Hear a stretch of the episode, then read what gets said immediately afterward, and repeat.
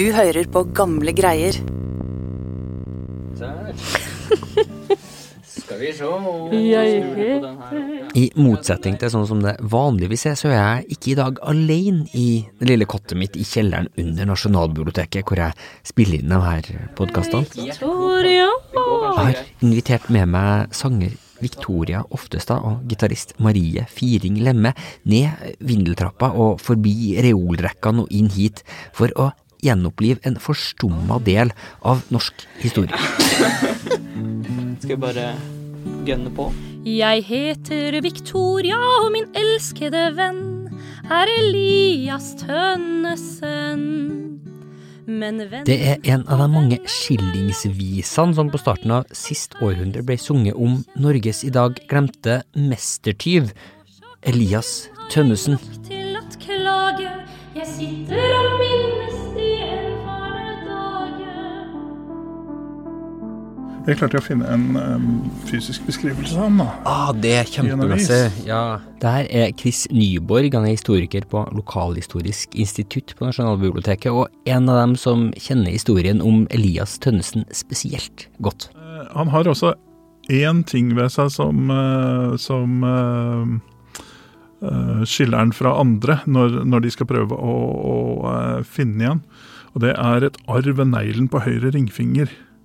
Altså Dette er ikke en sånn der eh, superkriminell eh, med, med et arr eh, over halve ansiktet, eller tatoveringer på nakken, eller et eller annet sånt noe.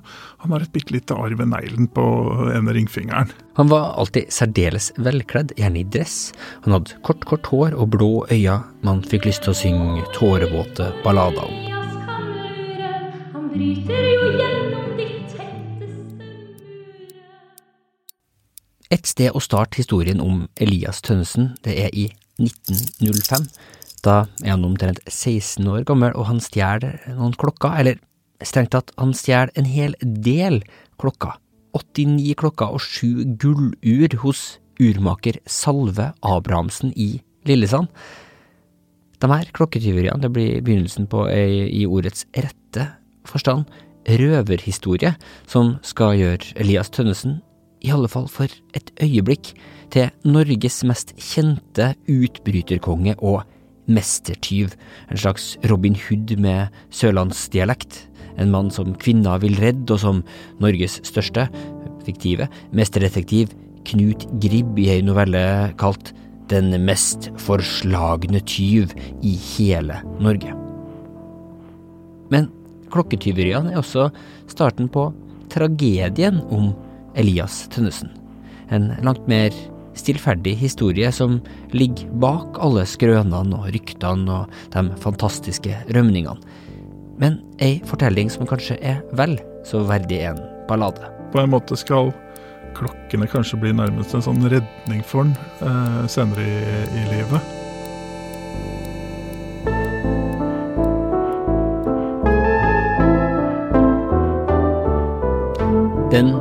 Historia, den tragedia, den skal du få høre den neste halvtimen her på Gamle greier. Podkasten hvor jeg graver i Nasjonalbibliotekets samlinger på leting etter dunkle drama og glemte liv. Og jeg heter Askild Matre Aasare.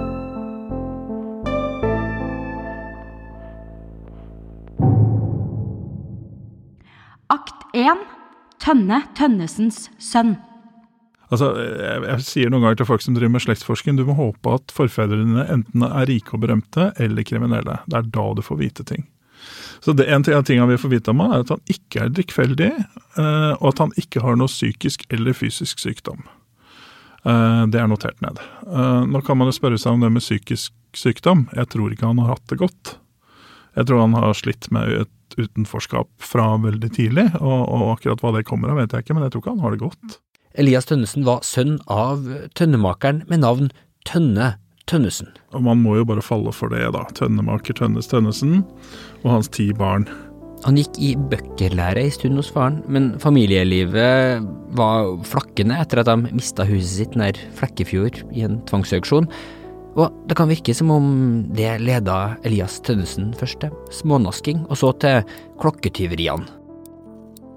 Han klarte å selge noen av de her urene og pantsette noen andre, men det ble ikke helt den store gevinsten, og til slutt så ender han opp med å bli arrestert og satt i Botsen, Botsfengselet i Kristiania, som jo i, i dag fortsatt er et fengsel. Det er det du kjenner igjen fra alle Olsenbanden-filmene. Og der begynner det å balle litt på seg. Han har nok sittet med, med, sammen med skapsprengere og, og fått uh, hint om hvordan dette gjøres. Da begynner det å bli penger, vet du, hvis du kan sprenge pengeskap. Ifølge en av true crime-novellene som ble skrevet om Elias Tønnesen senere, så lærte han skapsprengekunsten av en viss dynamittmann Jørgensen. Men det er om vi skal sette vår lit til denne type litteratur, og det tror jeg kanskje ikke vi skal. De er ikke akkurat uh, etterrettelige, de her novellene, så vi må skille tydelig mellom informasjonen vi får derfra, og det vi finner i politijournaler og fengselsprotokoller. Men uansett, etter fem måneder så slapp han ut av botsen. Da kan han sette i gang med å sprenge skap. Han og broren begår en rekke brekk, og ender til slutt opp i den dårlig bevokta politiarresten i Drammen. Der skjer den aller første rømninga. De to rømmer til skogs.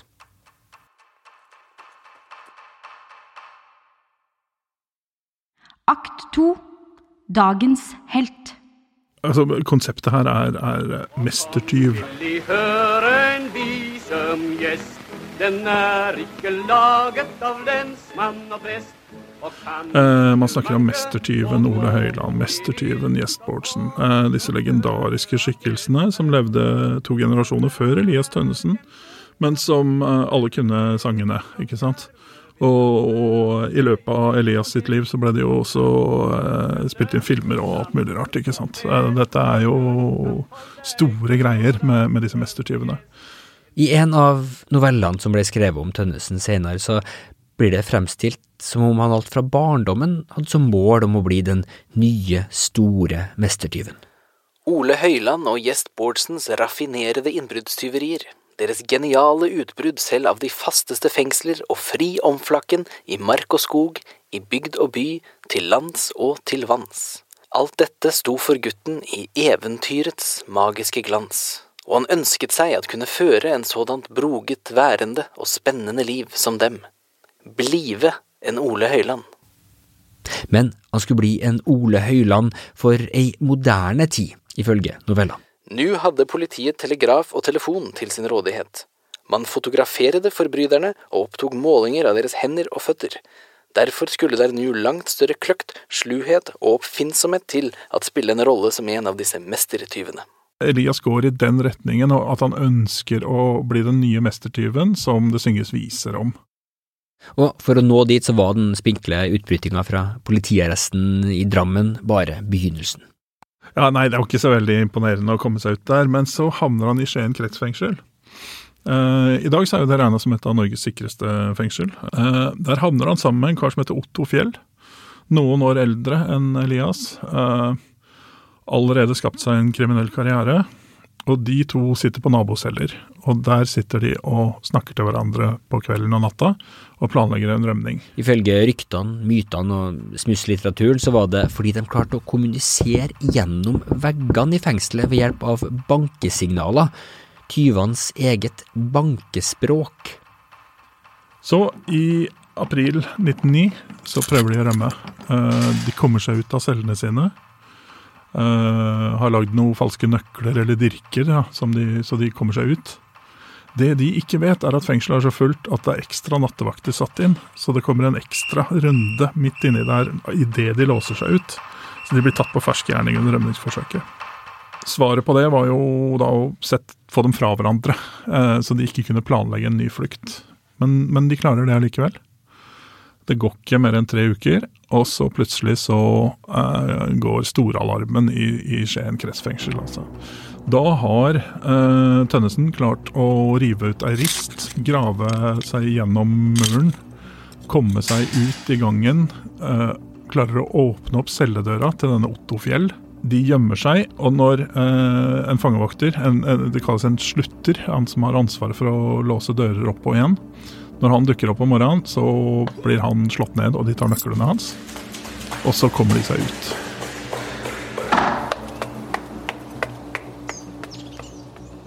Dette er en spektakulær rømning. Og, og tre uker før så hadde folk kunnet lese i avisen om et mislykka rømningsforsøk. Eh, ikke sant? Så historien var liksom planta, og så fikk den sin fullførelse i mediene? Det er nesten så du skulle tro det var planlagt. vet du. Det, de har en sånn der liten hype-greie først. Eh, folk vet om, nå, nå kjenner de til, at eh, den etter hvert ganske berykta Elias Tønnesen, som har stjålet mye fra mange, og Otto Fjell, som også har et rykte, eh, de har prøvd seg på rømme. Det gikk ikke, ha-ha. Og så plutselig så, ops, så er de borte. Hele, hele landet følger jo den her jakta. Det står i alle lokalaviser rundt omkring. Så er det stadig oppsummeringer via telegram om, om jakta på Elias Tønnesen og Otto Fjell. Det er et fantastisk sånn karikaturtegning i satiriske tidsskriftet Vepsen fra 1909, som vel må være den her jakta, hvis jeg ikke tar helt feil, hvor et skogbryn fullt av sånne korpulente politimenn, politihunder, og så den herre eh, tynne spjerningen eh, Elias Tønnesen som springer fra deg mens han liksom ser rett inn i kameraet, så å si, da. Og det er jo øh, En side ved det her mestertyvgreiene er at du, du blir jo Du er underdog, som, som folk får sympati med. Du får et litt sånn Robin Hood-preg, selv om du aldri i ditt liv har gitt til det fattige. Men du er en fattig sjøl. Han er fra fattige kår, folk har fanga opp det. eh, Så, så idet han stjeler fra de rike og gir til seg sjøl, så har han på en måte oppfylt litt av det her idealet likevel. Han har omfordelt rikdommen litt. Grann. Men han, eh, og så, og så klarer han å holde seg på flukt, og det er jo noe litt festlig ved det, da, ikke sant. Politiet som setter inn alle ressurser, og som mislykkes så totalt. Eh, Det er stjålne robåter og seilbåter hvor de farter rundt på Oslofjorden. Og, og eh, ingen veit jo egentlig hvilken vei de har tatt, men de, de, de klarer jo å surre rundt ganske langt da, eh, før det, før det skjer noe. En måte folk fikk ny, mer eller mindre etterrettelig informasjon om de her hendelsene på, det var skillingsvisa. Syltynne papirark med sanger påtrykt, og så solgt på åpen gate, ofte før historien de fortalte hadde fått en slutt. Skillingsvisene er jo en sånn utvida nyhetssending, vet du. Eh, De, de er eh, en måte å formidle nyheter på en alternativ eh, måte. De er, det er dagsaktuelle hendelser. ja. Som den skillingsvisa du allerede har hørt litt av, som heter Elias Tønnesens kjæreste og hennes klagesang. Lenker og bånd, de binder ham ei. Han smyger dem alltid så lettvint av seg. Og samtidig med skillingstrykkene så kommer også de her nevnte novellene om Elias Tønnesens bragder. Fra å lese krimhistorier så trer Tønnesen sjøl inn i detektivlitteraturen. I 1909, etter denne rømninga fra Skien kretsfengsel, som, som vi snakka om gjør ham til mestertyven og utbryterkongen, da skriver Rudolf Mus en historie. Rudolf Mus er en litt ukjent forfatter for mange i dag, men er jo en av de mest produktive vi har hatt noensinne. Eh, skrev veldig mye kriminalnoveller og romaner, og da skriver altså Rudolf Mus denne historien som heter 'Mestertyven Elias Tønnesen' i 1909. Altså, Mestertyven er med i tittelen, ikke sant? Eh, Dette er, dette er profilbygging. Og det var ikke bare i Rudolf Mus sine ikke helt etterrettelige true crime-historier at Tønnesens liv ble fortalt, men også i åpenbart oppdikta fortellinger. I detektivtidsskriftet Lys og skygge så skriver Oskar Jerven fortellinga hvor Tønnesen slåss mot en viss storkjeva mesterdetektiv. Du er ikke tyrker, Jens. Det stemmer. Jeg er Knut Gribb. Det er han. Tigeren fra Tigerstaden. Politietterforskeren hvis motto er Forbrytelse lønner seg. Forbrytelse lønner seg aldri. Knut Gribb. Fullmektig Knut Gribb, helten fra tusen eventyr, står foran sitt livs Det er det nærmeste Norge har en egen James Bond-skikkelse, her representert med noen av hans utallige utgaver fra radioteatret gjennom tiårene. I en av de her detektivfortellingene fra magasinet Lys og skygge så får Tønnesen, etter flukta fra fengselet i Skien, kontakt med Gribbs erkefiende Thomas Ryer. Hvis bare fengselsmurene greier å holde på Thomas Ryer så lenge. De klarer å rundlure Gribb, først ved å henge han etter føttene fra et tre, og så kommer Tønnesen seg bort ved å stjele en båt. Etter denne eh, snedige flukta så ringer Tønnesen til Gribb og co. bare for å håne dem. De var allerede ute i hallen da telefonen atter himede. Hva er det nå? sagde lensmannen og løp straks tilbake, fulgt av detektiven. Han grep straks hørerøret. Hallo, hvem er det? Hvem sagde de? Han slapp av forskrekkelse røret. Denne gang får de tak det, sa han til Gribb og sank ned på en stol. Hva pokker er det nå? spurte detektiven og tok røret. Men også han ble stående lamslået. Ja, er ikke dette noe av det frekkeste jeg har opplevd, sagde lensmannen, men kan det være mulig? Ja visst, det er Tønnesen. Så det her er virkelighetslitteratur og true crime og alt blanda opp i ett her nå? Surra det er true crime, hvor de har satt inn en falsk detektiv, Knut Gribb, inni det. I fortellinga blir også Tønnesen en mesterutkleder. Neste gang han møter Knut Gribb, er han forkledd som det Oskar Jerven kaller en sigøynerspåmann, med sortmalt ansikt og langt hår. Han forbløffer Gribb med sine spåevner inni et telt ved sigøynerleiren, og kommer seg unna idet Gribb begynner å lukte lunta. Og siden så blir han aldri tatt, så vidt jeg kan se fra arkivet til Lys- og skyggemagasinet, så han er en av få som har klart å narre Norges største detektiv. Forbrytelse lønner seg. I smussfortellinga som det her, så er ikke Tønnesen bare en mester i å kle seg ut, han er også en mester i å kle av. Han erobrer en rekke vakre kvinner, han får stryk over Gullveig Thoresens nøgne skuldre, han sjarmerer overklassekvinna Victoria Rosmer, kanskje den samme som skillingsvisa du akkurat hørte handla om, for ikke å snakke om den omsverma Gullveig Blåland som han fikk komme inn vinduet til fordi han lova å være pen gutt. Elskovens henrykkelse fikk dem til å glemme alle hensyn, og Elias var ikke pen gutt, men Gullveig likte ham enda bedre for det. Elias Tønnesen figurerer i tillegg som en rettferdig hevner som jager bort usle ranere i Bergen, hvor han også arrangerer skytekonkurranse på kafé Bellevue på Fløyen. Han eh, stjeler bakverk fra de rike og gir til en alenemor. Alt dette er virkeliggjøringa av det som kan ikke ha vært Tønnesens store drøm. Han blir til slutt arrestert og satt i Møllergata i Kristiania, men nok en gang så klarer han det umulige. Der skjærer han seg gjennom to tjukke gulvplanker for å komme seg ut. Eh, og kommer seg gjennom en halv meter tjukk steinmur. Og det er en sånn veldig spesiell type rømning, at eh, når du skal skrive en skillingsvise om det, så er det bare å ta fram Ole Høiland-versa fra tidligere. For han sagde seg nemlig gjennom tjukke gulvplanker og gravde seg gjennom festningsmuren på Akershus.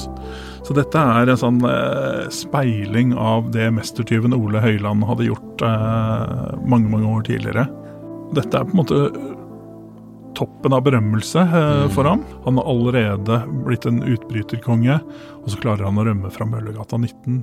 Rømminga fører til en ny rekke skillingsviser og ei ny fortelling av mestersmussforfatteren Rudolf Mus. Og der presterer han rett og slett å slutte med orda 'Elias Tønnesen var dagens helt'. Altså denne, denne romanen, eller det er en novelle, vil vi si, da, den er ikke, den er ikke svær. Eh, men denne pumper han ut så fort at Tønnesen har ikke rekke å blitt arrestert engang etter rømninga si, når den kommer. Det går så unna. Eh, her er det ikke noe detektiv som er helten, her er det Elias Tønnesen som er den eneste helten. Da trenger han ikke å konkurrere med Knut Gribb lenger.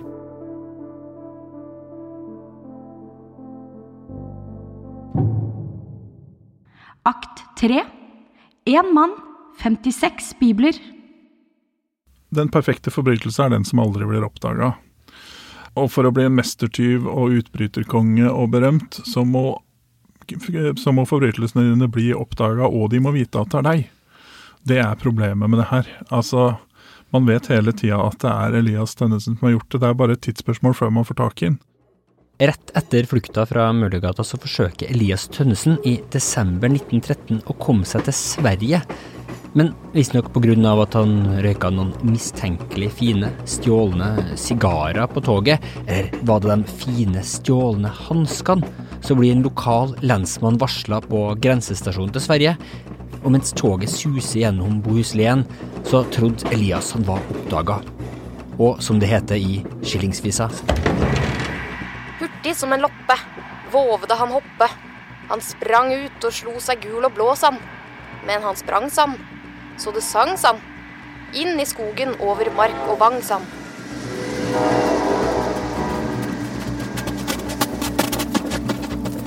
Tønnesen forstua ankelen i spranget av toget. Det var ikke vanskelig for lensmannen å følge sporene av han i julesnøen.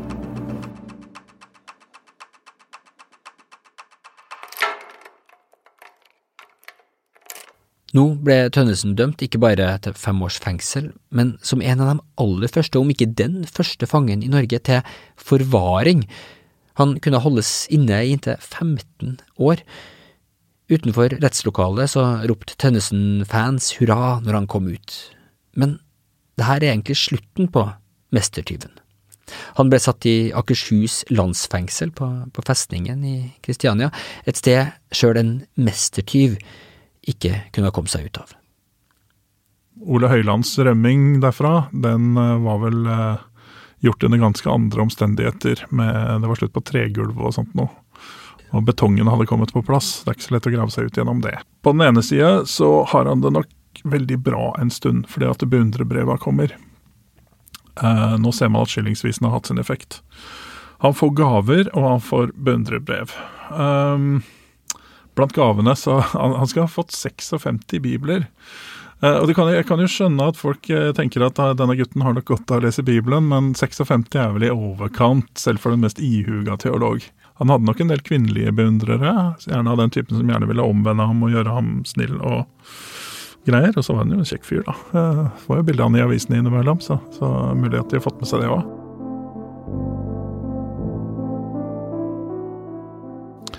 En beundrerbreva stoppa nok plutselig en dag.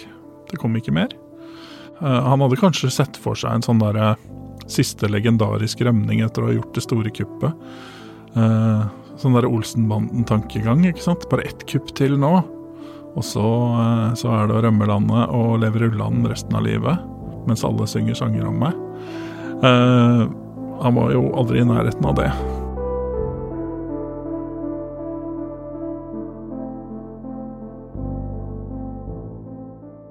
Akt fire En mestertyvs død. Jeg blir jo særlig fascinert over eh, parallellene til Ole Høiland. De er eh, ikke sambygdinger, men de er sørlendinger, begge to. De eh, har denne, denne Særlig disse rømningene.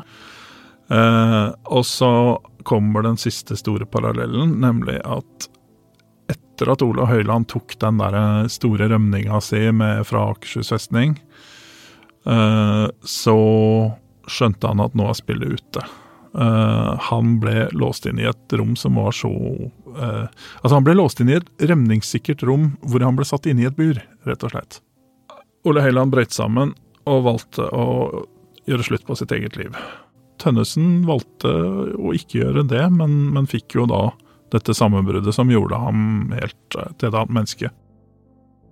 Han var 26 år når han ble satt inn på, på Akershus. I fengselet så leser Tønnesen matematikk og fysikk. Han jobber med å bygge en eske, en evighetsmaskin, som andre fanger kaller det. Kanskje et slags fysikkeksperiment. Men det blir ikke noe mer av det. I rapporter så blir han beskrevet som trist. Han slutter å spise, han slutter å snakke. Han uh, ligger våken om natta og skriker eller synger salmer. Alt tyder på at han uh, er virkelig i utforbakke nå. Han blir gitt en diagnose av den fremadstormende psykiateren Johan Scharfenberg. Dementia precox. Ungdomssløvsinn. I dag så ville han nok ha fått en eller annen form for schizofrenidiagnose, men i stedet så ble han overført til kriminalasylet i Trondheim. Det er også et fengsel, egentlig. Altså, det er kriminalasyl, så det er et, et fengsel for syke mennesker. Kriminalen, som det kaltes, var en av Norges første sikkerhetspsykiatriske institusjoner. Det var et hvitkalka murbygg med metallstengsler foran vinduene på Skansen rett ved Nidelva midt i Trondheim, men bak et høyt plankegjerde. Denne tida av livet til Elias Tønnesen er det vanskelig å vite så mye om, fordi journalene hans fortsatt er hemmeligstempla. Ja, hei, her er kommet til Alf Christian Oddane. Ja, det er Men en av dem som har undersøkt den glemte delen av Tønnesens tilværelse, det er Alf Kristian Oddane. Han har skrevet boka Elias Tønnesen, folkets favoritt, politiets mareritt. Det var jo mye som kunne vært forandra, og det, det, er jo tragisk. For han, han, ble, han ble satt litt for mye i fengsel. Han burde heller fått litt mer hjelp enn det. For Du ser et eksempel da han satt oppe i Trondheim. Han var jo mer dyr enn menneske. Og, og de, de, fant ut de måtte bare ha han inne, for han kunne ikke holde ingen fengsler som kunne holde han. Og Derfor var løsningen bare å la han sitte inne. vet du. Det var ikke sånn i dag. Og Det gjorde jo sitt at han satt jo mer i fengsel enn han var, eller, eller han var ute av gjennom hele sitt liv. Fra tida på kriminalen så fant Oddane et brev som Tønnesen sendte i januar 1923 til det som virker å være en nokså tilfeldig valgt forretningsmann i Kristiansand. Der trygla han om å få sendt noen gaver. Kanskje noe frukt, kanskje noen sigarer, kanskje noe røketobakk eller noe mat. Kunne de sende meg noe, er de snill, skriver han. Jeg har sittet inne i ni år i ett strekk, og ville gjerne ha litt avveksling i ensformigheten. Forretningsmannen gikk rett til Kristiansand Tidende med det ydmykende brevet, og fikk det trygt så alle kunne lese hvordan det hadde gått med mestertyven.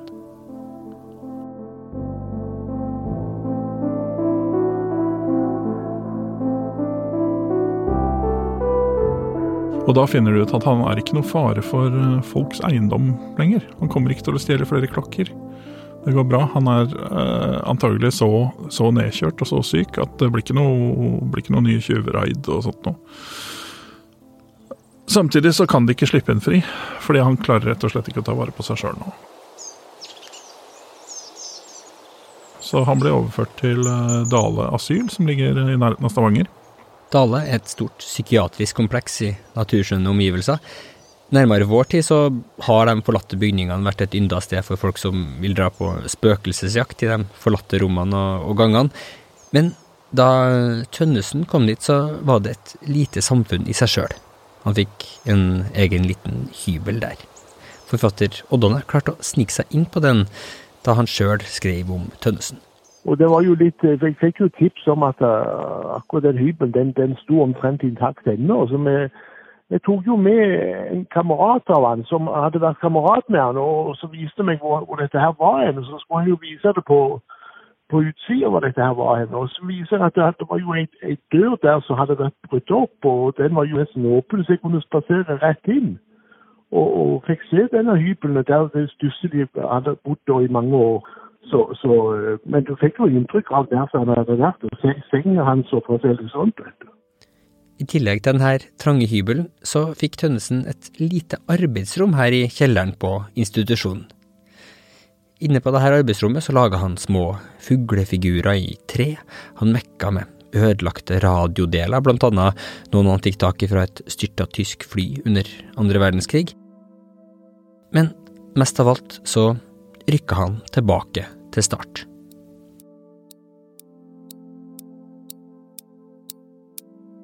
Han går opp noen gamle spor, kan du si. Uh, han går nemlig tilbake til klokkene, men denne gangen så stjeler han dem ikke, han reparerer dem. De ansatte kom til Tønnesen om klokkene deres var gått i stå. Man får vel tro at de, de der 25 åra der må ha vært uh, framstått som dørgende kjedelig for de aller fleste av oss. Men i hans tilstand så var det kanskje noe av den beste behandlinga han kunne få, ut fra hva de hadde å tilby. Han hadde egentlig ganske stor frihet her, han fikk gå på kanin- og rypejakt, og han vandra lange turer natterstid, iført dress, og han satt på arbeidsrommet sitt. Men han har også fått lov til å leve sitt eget liv og sulle rundt nedi kjelleren med klokkene sine og røyken sin. Også. Men det er jo, det er jo en trist eh, slutt på, på historien hans, egentlig, da. I 1950 så døde mestertyv Elias Tønnesen av lungekreft, 62 år gammel.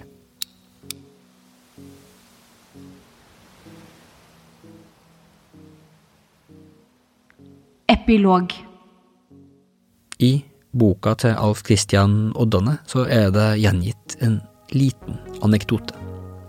En drosje kom en dag kjørende med en pasient til Dale. Men bagasjen var låst inn i en takboks, og den hadde gått i vranglås. Da ble Tønnesen tilkalt. Gå litt til side, dere, sa Elias. Og på noen sekunder var låsen åpen.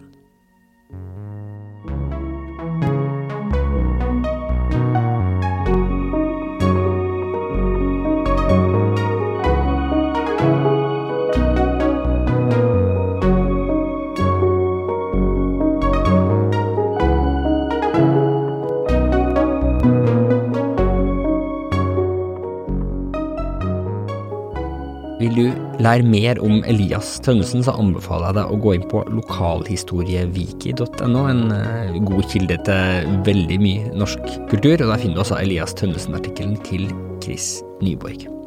Boka til Alf Kristian Oddane er Elias Tønnesen, folkets favoritt og politiets mareritt. Så kan du sjøl lese true crime-novellene om Elias Tønnesen om du går inn på nb.no og søker på Elias Tønnesen. Der finner du også skillingsvisene som fortsatt er bevart.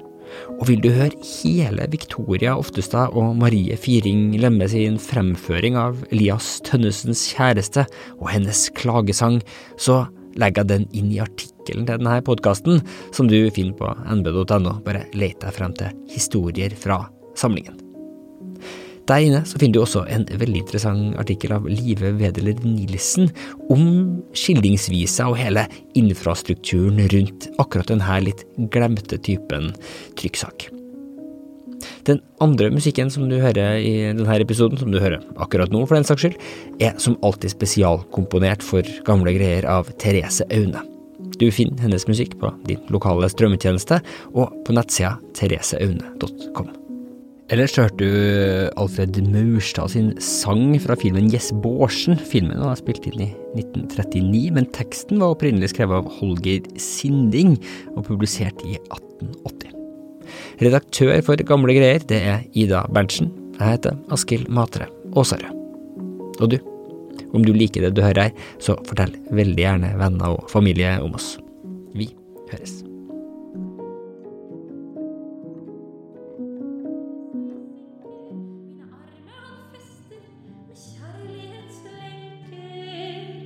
De eneste linker han kan bindes ved, det er elskovens makt.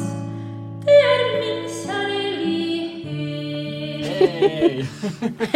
Du, da tror jeg vi har det i buksa. Ja, tror jeg òg. Jeg er grenseløst ulykkelig. Ett ord fra deg kan ta smerten fra meg. La det ikke utebli, men gi meg det snart. Jeg elsker deg, du forferdelige menneske.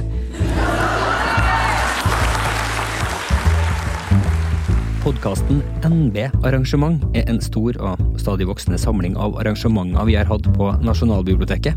Her skal du få noen smakebiter. Denne teorien om at alle sivilisasjoner må av historiske, naturmessige årsaker kollapse. Før eller siden. Kveldens brev fra arkivene er ikke skrevet i sinne, men i bekymring og sorg. Dypt personlige historier fra mennesker som kom før oss. Jeg ville så gjerne ha skrevet om stormannsgalskap og høyspent dyrkelse av det såkalte åndsmennesket, og også kunstneren med stor K, men det fikk jeg ikke plass til i kveld, og det er klart at det må bli et fremtidig foredrag. Det er viktig at vi ikke bare ser på dagen i dag ut fra gårsdagens erfaringer, men også ser på den i lys av morgendagens muligheter. Ingen er tjent med å rygge inn i fremtiden. Så jeg innførte fra første dag den regelen at alle møter begynner presis. Og så tok vi først sakene til dem som ikke var kommet. Neste dag var dere alle sammen. Kanskje jeg til og med hadde vært litt sånn ikke så ivrig på å henge noen under en orm som drypper eter etter ragnarokket. Det er jo gøy med sånne folk òg. Jeg har som livsmotto at den kvinne som har vært elsket, hatet og misunt, har levd et godt liv.